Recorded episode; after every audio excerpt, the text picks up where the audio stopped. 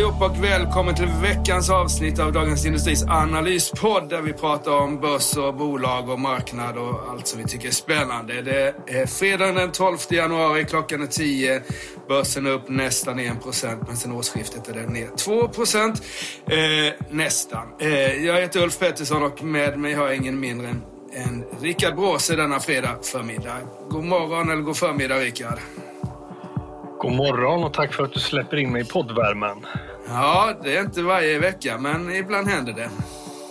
Så är det. det... Och vi har en sak till som händer denna fredag och det är ju att vi har nytt all time low.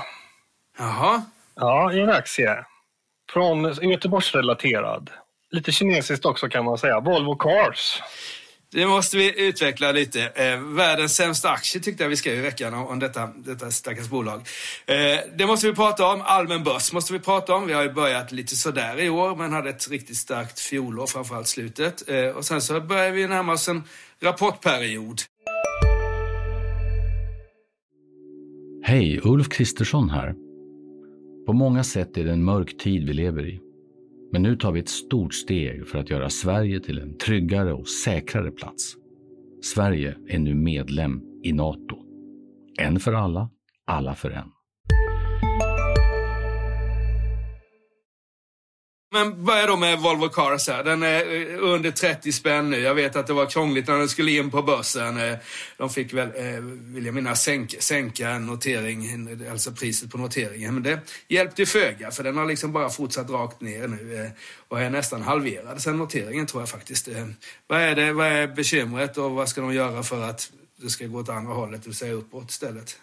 Ja, men går man tillbaka från första början så vilade väl ganska mycket av värdet på Polestar, alltså vid den tidpunkten, då var ju då var vi fortfarande i någon form av bubbelfas där eh, ja, det räckte väl egentligen att åka och köpa ett eh, bilbatteri på eh, någon mack och sen damma av någon gammal lådbil så kunde man väl i princip notera det via en spack och få några miljarder för det. Och, och eh, Polestar tillhörde de här som var, hade en abnorm värdering. Så egentligen är, liksom, man har ju skapat dåliga förutsättningar på det, på det sättet för, för, eh, för aktien att prestera. Samtidigt så är ju inte bilindustrin har historiskt inte varit någonting där du har höga multiplar eller så och, och det gäller ju även förr i alla fall underleverantörer som ofta var, hade väldigt svårt att tjäna pengar. Det är väl egentligen bara Atlas Copco som klarar av, Autoliv som klarar av att tjäna pengar på att sälja saker till bilindustrin känns det som ibland, om man ska överdriva lite naturligtvis. Det är en svår industri,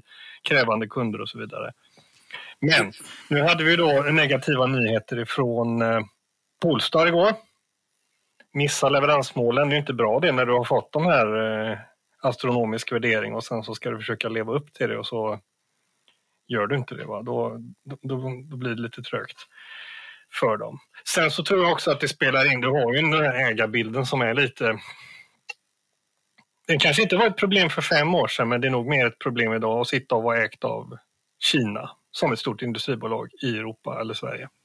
Ja, och det är det ju. Det, vi får se om det blir ännu mer bekymmersamt vid valet i, i Taiwan här till helgen, om det blir liksom ännu mer konfrontation mellan väst, väst och öst. Men eh, tar vi eh, det kinesiska ägaren Geely då i, i Volvo Cars här så har de ju faktiskt, och det har nog bidragit till den här pressen också, att de sålde faktiskt en del aktier här i, i slutet av förra året. Och de, men de har ju mängder, mängder av fler aktier att sälja om det skulle liksom vara så. Så det finns väl liksom någon slags liten farhåga att det kommer ut ännu fler aktier på marknaden också, kanske. Och det kan ju pressa. Det är säkert ett bra, bra, en bra eh, händelse för, för, i, det långa, i det långa perspektivet, men i det korta perspektivet är det, är det, brukar det vara negativt. Eh, men du, eh, och det kanske vi ska säga här innan, alltså Pool, anledningen att vi pratar så mycket om Polestar är ju att eh, Volvo Cars är delägare i, i Polestar och eh, det var ju liksom den höga värderingen på Polestar som gjorde att Volvo ändå kunde komma ut på ett hyfsat börsvärde på par hundra miljarder var det väl på noteringen, men nu är den halverad sedan dess.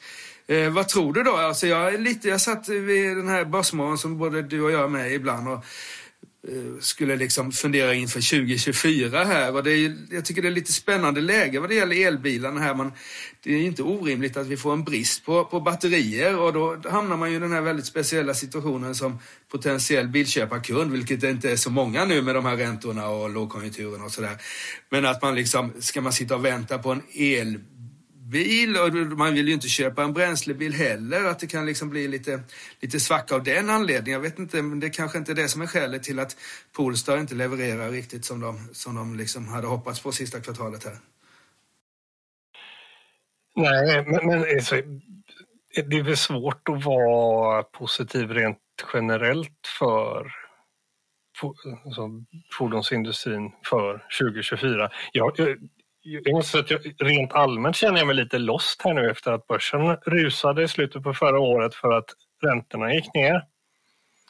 Historiskt så när, när centralbankerna väl, väl börjar att sänka räntor, det har de ju inte gjort än, men det finns ju ganska st stora förväntningar på att de kommer att börja göra det nu under första halvåret i år.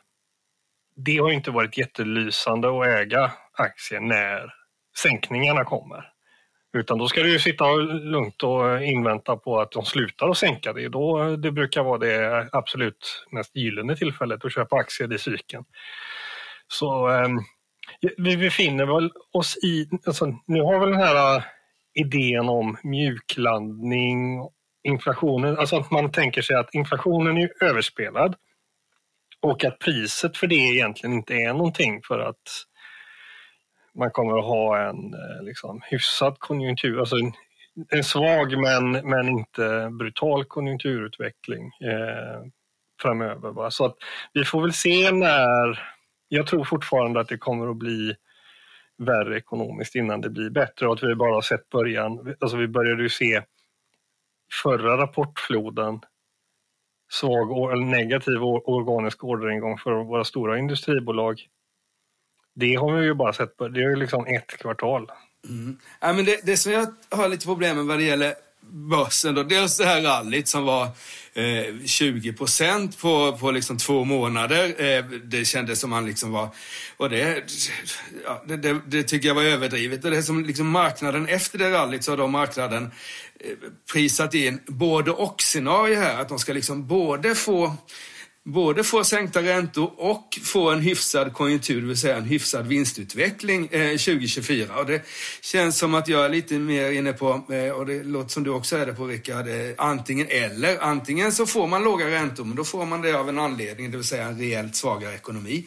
Eller så tuffar ekonomin på ganska bra då tror jag inte någon centralbank har liksom någon, någon anledning till att sänka räntorna. Liksom att, utan då kan man nog leva med lite positiva realräntor för en gångs skull. Alltså jag tror att inte centralbankerna, så länge liksom inte ekonomin eh, försvagas väldigt och närmast kraschar, så tror jag inte de har någon brådska att, att så att säga sänka räntan. Utan det är väl bra om man liksom återinför någon slags sund ekonomi där man inte måste ta en massa risk för att liksom hitta inflationsbeständiga eh, eh, investeringar. Det har ju liksom varit ett jätteproblem de sista tio åren skulle jag säga att, att ingen, ingen människa i världen har liksom kunnat hitta ett riskfritt sätt att bevara sina pengar intakta sett till inflationen utan man var tvungen att ta risk eftersom vi hade så mycket negativa realräntor så länge. Eh, eh, så jag tror, jag tror inte, hade jag varit centralbankschef så, liksom, så, länge, så länge arbetslösheten är 3,7 procent i USA, varför ska man då stimulera ekonomin vilket blir faktum om du börjar sänka räntan? För jag menar, Eh, man får ju tänka lite här på, ska vi säga, både eh, på deltat lite grann, förändringen alltså. Att, att om du sänker, sänker styrräntan från 5-5,5 procent ner till 3 så får du ju en, det kickar ju igång ekonomin och då, det tror jag inte man riktigt vill göra annat än att man ser att den håller på att försvagas på riktigt. Och det har vi faktiskt inte sett i USA. Eh, det är ju en stark arbetsmarknad framför allt och sen så finns det ju då det är klart, eh, det, det, det, varslen börjar ju öka där också. Man ser liksom techindustrin gör sig av med folk, men det är ändå fortfarande liksom under 4 arbetslöshet. Jag vet inte, är du, håller du med mig här att liksom marknaden, man kan inte både liksom äta äpplet och ha det kvar lite grann, utan man kan inte liksom eh, tro på, tro på stigande vinster och kraftigt fallande räntor. Det är liksom ett förhållande som inte, som inte ska finnas där egentligen. Det håller jag helt med om. Jag tror att, det, att där gör man ett misstag om man tror att man kommer få, få båda och att vi ska bara glida vidare. jag är inte främmande för tanken liksom att börsen ska upp ännu mer kortsiktigt, men jag, när väl poletten trillar ner att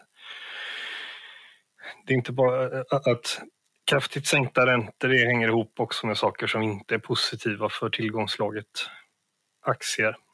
För, för det är också så om man tittar nu två år tillbaks i tiden. Många av de här äh, superaktierna som vi hade som var, alltså inte bara att aktien gick bra utan att det faktiskt var baserat på att det är ett genuint bra bolag bakom. Som till exempel Evolution Gaming eller på äh, Fortnox äh, som de pratar om i Börsmorgon idag.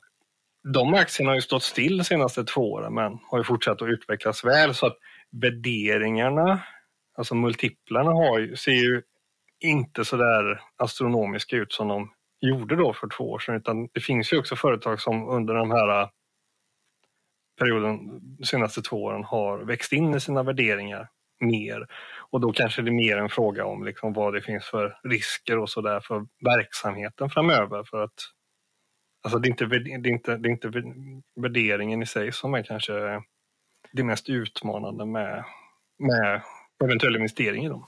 Det, det, det, där varierar lite. Vi har ju fått lite P tals multipel expansion i en del. Jag tycker exempelvis som Atlas här och en del verkstad har ju liksom har ju eh, vinst, eller kursuppgången under 2023 var, var ju betydligt större än vinstuppgången i en del av de där. Men om du tar de där tillväxtbolagen som du nämnde nu, och, eller eh, Fortnox och eh, och, och uh, Evolution så, så håller jag med dig där. Evolution är ett sånt där bolag som jag har följt lite från sidlinjen. Vi har ju massvis av folk som skriver mer om det än vad jag gör. Men jag tyckte den var liksom dyr länge. Men sen så, som sagt var så tycker jag de har kommit med starka rapporter än det och aktien har inte liksom eh, har inte, ja, nu har den väl liksom gått över tusen spänn igen då, men den har ju inte rallat på något sätt. Så det är ett intressant bolag. Nackdelen där är väl att nu kommer ju här eh, den här skatten. Den, det är väl från i år som man kommer liksom ha en global global företagsskatt här och det pressar ju då de här bolagen framförallt inom spelsektorn som har redovisat en skatt på 6-7 procent och Malta-baserad skatt och så kommer det liksom bli ett golv för den där och det är klart att det, det gör ju en del på värderingen men, men vad det gäller bolaget så gör ju de det är väldigt, väldigt bra. Det är ju liksom 20 procent i tillväxt och, och stark marknadsposition i en tillväxtmarknad och sådär. Det är sånt där man vill ha egentligen. När de bara hållit på med något annat än spel så hade det varit riktigt, riktigt spännande. Sen är det såklart värderingarna kommit upp kortsiktigt, alltså under, under den starka börsen i fjärde kvartalet. Det var ju inte drivet av att man skruvar upp vinsterna. Det finns ganska, om vi tar Sinch är ett exempel där du har sett vinstförväntningarna justeras ner ganska mycket och aktien var upp 70 procent eller något i den stilen. Eh, Adlife också ganska rejäl nedjustering och aktien rakt upp. Ambea som jag satte köp på i någon gång under hösten. Den senaste kvartalet så har vinstförväntningarna skruvats upp 3% aktien upp över 50 eller något i den stilen. Alltså att de där köplägena som kanske fanns för några månader sedan har ju ganska snabbt blåst eller stängts igen, så kan man säga. Ja, så kan man säga. Och det, var, det blir ju alltid så. Den vändningen vi hade där i, i ja, den började väl precis månadsskiftet oktober-november. Det är klart att det som händer då är att folk kastar sig över de här förlorade aktierna och det blev ju ett väldigt rally i dem och kanske lite väl bra en del. Nu har ju faktiskt, om vi tar Sincha, så den faktiskt, har de faktiskt backat den 15-17 procent i år. Så det börjar ju komma ner lite grann här igen. Har du också valt att bli egen? Då är det viktigt att skaffa en bra företagsförsäkring. Hos oss är alla småföretag stora och inga frågor för små. Swedeas företagsförsäkring är anpassad för mindre företag och täcker även sånt som din hemförsäkring inte täcker. Gå in på swedea.se företag och jämför själv. Expressen gör varje vecka podden Politikrummet där vi djupdyker i det senaste och viktigaste inom svensk politik. Med mig, Filippa Rogvall, som programledare tillsammans med mina vassa kollegor. Och det är ju ni som heter Thomas Nordenskjöld, Anette Holmqvist och Viktor Bartkron. Politikrummet kommer med ett nytt avsnitt varje tisdag. Vi hörs.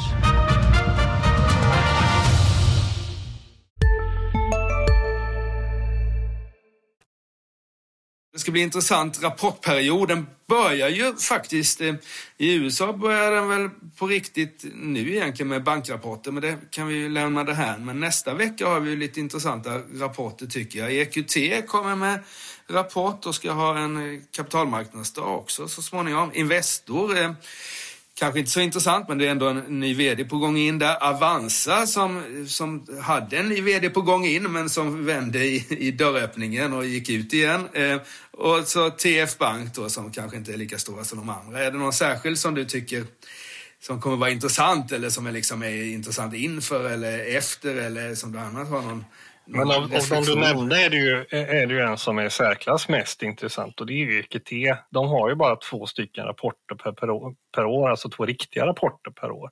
Så där, har, där blir det ju ofta under de här åren de har varit noterade slagit när de här, alltså när bokslutsrapporten kommer och när halvårsrapporten kommer. För att då har du liksom inte fått de där andra två riktiga uppdateringarna som man får i i princip alla andra bolag, utan då har du två rapporter och då blir det mer slaget naturligt på dem. Eh, och det är också ett intressant, tycker jag, eh, alltså hela riskkapitalfenomenet är, är intressant nu när vi har fått räntor och alltså att det är en lite annan värld än den som de har haft de senaste 20 åren med alltså fallande räntor och liksom kraftig eh, eh, kapitaltillströmning och sådär. Vi får EQT har ju växt enormt mycket. Alltså, jag kommer ihåg när de skulle noteras, då vet jag att jag skrev in, eller att, innan de ens var officiellt att de skulle noteras, har jag för mig att det var eh, jag skrev att det var 70 miljarder kan, kan nog det där vara värt och då var ju det knappt upptaget till någonting. Alltså det, det fanns ett stort dolt värde i Investor då på den. Och eh, bara det att de har ju växt så enormt mycket mer än vad jag trodde att de skulle göra. Så fonderna har ju verkligen exploderat under de senaste, bara de senaste fem åren. Så eh, ja, jag tycker det är ett intressant fenomen att följa och sen intressant rapportaktie också för att den blir så slagig just när du inte har så många rapporter eh, som man har i andra bolag. Precis, det jag skrev om dem, det var någon som eh, en steg sådär långt över 10 procent. Och det, den kan absolut röra sig 10 procent en, en, en, en, eh, nästa vecka på sin rapport. Eh, eftersom du säger så har vi inte fått några riktiga siffror sen, sen i somras egentligen. För deras nio månaders rapport är ju bara en sammanställning hur mycket, hur mycket de har i, i förvaltning. Där finns ju ingenting med några resultat eller, eller något sånt. Så det, det är intressant. Eh, de har ju gjort ett fantastiskt EQT alltså sen de startades 96 var det väl. Kanske 90 94 var de förresten. Ehm, så har det blivit ett av, av eh, faktiskt eh, världens, eh, absolut i Europa, men de är stora även i förhållande till amerikanska drakar och har gjort det jättebra då. Men det är klart att det är en, som du säger, det är en, det är en bransch som som hade en unikt bra tid sedan de började där 94. Alltså du kunde köpa ett bolag för ingenting. Eh, och sen så med lånade medel och sen så gick finansieringskostnaden ner när vi har haft ett, ett räntefall egentligen liksom eh, alltså i det långa perspektivet hela tiden under den här perioden och en fantastisk vinstmultipel också. Så då har det blivit väldigt bra. Plus att de har gjort det bra också i sina bolag, många. Men eh, ja, vi får se. Det som jag är lite, lite, lite och jag trodde, alltså för, för länge sedan så trodde man att det här är ett sånt här liksom eh, personalintensivt bolag eller kunskapsintensivt bolag. Det är ett sånt där bolag som man liksom inte kan börsnotera utan det, allt värde finns i de här partnerserna och, och vad händer när de slutar? Då finns det liksom inget, inget värde kvar för det är de som har gjort att, som har dragit in pengar men man har ju lyckats industrialisera det, det där. Men frågan är hur länge man kan industrialisera riskkapital marknaden eller som EQT gör då med att gå in på nya marknader, köp, förvärva andra riskkapitalbolag och sånt där. Om jag hade varit kund hos dem eh, så hade man ju ändå liksom som, som kund varit lite, mer, lite skeptisk till den här liksom bolagets tillväxtstrategi utan man vill ju liksom eh, man vill ju att det ska liksom, det som, man vill ju att det som har gjort framgången ska förbli där och inte att man liksom börjar tänka på annat i EQTs eh, eh, styrelserum. Det är ju liksom ett, ett, ett, problem tycker jag när man, liksom, när, man, när man breddar sig så som man har gjort. Man har sänkt eh, estimaten också ganska eh, markant ska vi säga senaste månaderna i, i EQT eh, för, för, för, för om man tittar in i nästa år. Men det känns på samma tema men att ett annat spår på, på riskkapital är ju att det känns som att de lever i en egen värld. också. För vi hade en stor affär i slutet på året. Altor sålde Eleda, som är ett förvärvsbolag som köper lite ja, specialister inom ska man kalla det, bygg och anläggningshållet eh, egentligen. Ehm, för, och det var ju största riskkapitalaffären som hade gjorts i Norden på, eh, på, på jättelänge och eh, det var väl typ 20 miljarders affär när de sålde till Bain. Samtidigt som den affären gjordes så satt man och tittade på så här Vestum som egentligen, alltså egentligen har gjort samma sak. Sen kan man göra samma sak på bra och dåliga sätt då, men oaktat det så var det ju värderingen på Vestum ner i källaren. Nu har ju den mer än dubblats så Conny Ryk har rivstartat året med att inte göra så mycket annat än att köpa aktier verkar det som i, i, i Vestum. Men det var väldigt diskrepans däremellan hur vad man är beredd att betala för en serieförvärvare mellan riskkapitalbolag och vad börsen var beredd att betala för en som är på, på ett liknande spår. Sen har ju då Vestum naturligtvis en eh, lite småstressad eh, finansieringssituation har de haft. De har ju fått sälja bolag, slumpa bort bolag för... Eh, de har i princip sålt bolag där lockupen tror jag inte har gått ut, eller eh, precis har gått ut för de som fick dem betalt med aktierna när de väl sålde bara för några år sedan. Så att, eh, stökig situation naturligtvis, men, men jag tycker det är intressant hur det kan vara så enorm skillnad på, på, eh, på vad börsspekulanterna tror och vad riskkapitalspekulanterna tror. Ja, det är det. Men det har ju lite också med att göra att hur, hur, prissättningen är på börsen. Att det är ju liksom, prissättningen bestäms ju av den senaste affären, så att säga, de här 100 aktierna som säljs just i detta nu då. Och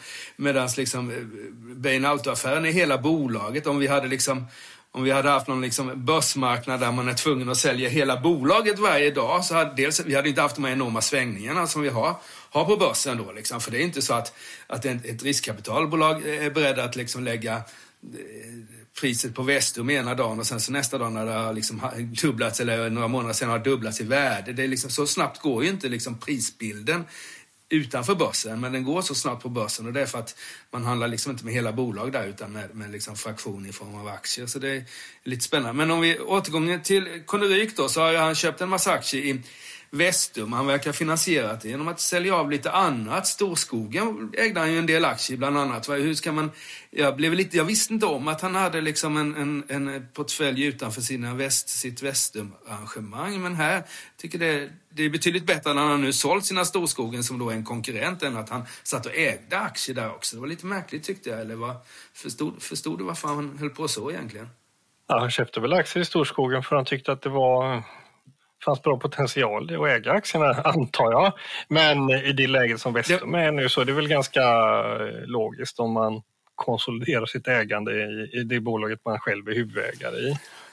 Jo, men det är liksom inte så att det hade ju blivit ganska mycket, mycket rubriker om, om liksom, eh, ska vi säga, eh, eh, vad ska vi ta då? Atlas... Lundberg köper aktier i Industrivärden menar du? Ja, eller, eller liksom Eh, eller, eller, eller Sandvik, Widing köper aktier i Atlas Copco eller något sånt där. Det är, liksom, det, är inte, det är inte sånt man är van vid riktigt. Men det funkar på andra sätt, liksom på andra ställen kanske. Ja, men han, jag tycker att Conneryk har varit en uh, väldigt härligt tillskott på, på börsen överlag. Det är liksom uh, frejdigt och så kan man ju ha synpunkter på liksom, belåning och hur det har gått och, och sådär. Men, men uh, ja, det, det är en uh, det blir lite hålligång i alla fall. Det gillar jag. Vi pratade EQT här inför rapportperioden och jag nämnde Investor, Avanza och TF Bank som också kommer nästa vecka. Det, det, men, men utöver det så ska ju alla andra leverera eh, sina Q1-rapporter också då. Men är det något särskilt du, du, du, du tänker på inför den här väldigt intressanta tid vi står inför då nu kommande veckorna här? Jag är egentligen lite jag brukar alltid vara, man brukar vara så halvstressad och, eller uppjagad, inte stressad utan uppjagad och, och ha ett gäng eh, man får svårt att sova liksom för man ligger och, tänker, eh, ligger och väntar på rapporter. Men jag har inte någon riktig sån här som jag bara sitter och biter på naglarna inför nu, eh, måste jag säga. Jag tycker det är svårt att se någon som man eh, som ska bli sådär jätteomtumlande utan det blir väl lite mer av, som det alltid är egentligen, mer av samma vara. Men bostadsutvecklare, vi har ju haft eh, nyemissioner i, i John Mattsson, Bonava, eh, Beskap, men inte i JM. Men de kanske är så pass solventa att de klarar det där, eller? Det där tycker jag ska bli intressant att se. Ja, JM blir intressant att och se naturligtvis. Mm. Och den, alltså om man går tillbaks till eh, bokslutet för förra året, det var väl eh, märkligaste rapportreaktionen 2023 när de tog vinstavräkningen på, eh, på det här fortifikationsprojektet i, eh, i, klämde in det fjärde kvartalet och så såg siffrorna bra ut där. Um, och aktien var, jag kommer inte ihåg om den var upp 10 eller 20 procent. Ja, men det, det var ju så man kliade i huvudet och undrar vad folk håller på med. Sen så gick det inte så strålande bra resten av året. Nu, nu har den återhämtat sig också här. Va? Eh, jag tror ju att det kommer att ta tid innan bostadsrättsmarknaden återhämtar sig till en nivå som man vill ha den på om man äger aktier i IM, även om de då kan, har en bättre finansiell ställning än alla andra och är ett bättre bolag än alla andra som gör samma sak. Skoglund slutar också, han har varit en av de längsta vdarna på, på börsen, en av de som verkligen har hängt i riktigt länge jag, jag skulle inte köpa JM här. Så, kan, så mycket kan man väl säga. Alltså när sålt bokat i pågående produktion faller som en sten och så får du dra ner som de har gjort och så får du dra ner eh, produktionsstarterna. Vad, vad, vad, kommer det bli i slutändan? Ja, det blir inte jätteroligt. Eh, sen kommer inte allt det vara i eh, fjärde kvartalet. Men jag, jag, förstår inte varför man ska äga JM. Nej, jag tror också det är lite tidigt att hoppa på det, speciellt efter uppgången. Ehm, nej, det är ju, för det är ju, eh, det är klart att det kan ju hända, men jag tror också även om räntorna kommer ner nu och vi har ju, läser ju eh, varje vecka här om hur bankerna sänker sina, sina bolån, eh, framförallt på lite längre löptider då, för det är ju där som pris, eller räntenedgången har varit framför allt. Så tror jag först, det som först måste ske här, det är ju att Eh, överutbudet av, av eh, bostäder måste ju bort innan man kan börja tänka på prishöjningar härifrån. Utan det, tittar man på Hemnet eller Bolis siffror så, så är det ju dubbelt så mycket. Jag, jag följer inte hela Sverige, men lite olika valda marknader som man har olika intressen i, eh, liksom, tycker är spännande och sådär. Så är det, det är dubbelt så många eh, bostäder till salu nu än vad det var liksom innan för ett par, tre år sedan här. Och det är klart att det, det sätter ju en allmän, det sätter ju liksom en, en, en press, eller det gör ju att pris, prisutvecklingen kommer hållas igen även om räntetoppen är nådd. Hej, Synoptik här. Hos oss får du hjälp med att ta hand om din ögonhälsa. Med vår synundersökning kan vi upptäcka både synförändringar och tecken på vanliga ögonsjukdomar. Boka tid på synoptik.se. Ska några små tassar flytta in hos dig? Hos Trygg Hansa får din valp eller kattunge 25% rabatt på försäkringen första året. Läs mer och teckna djurförsäkringen på trygghansa.se. Trygg Hansa, trygghet för livet.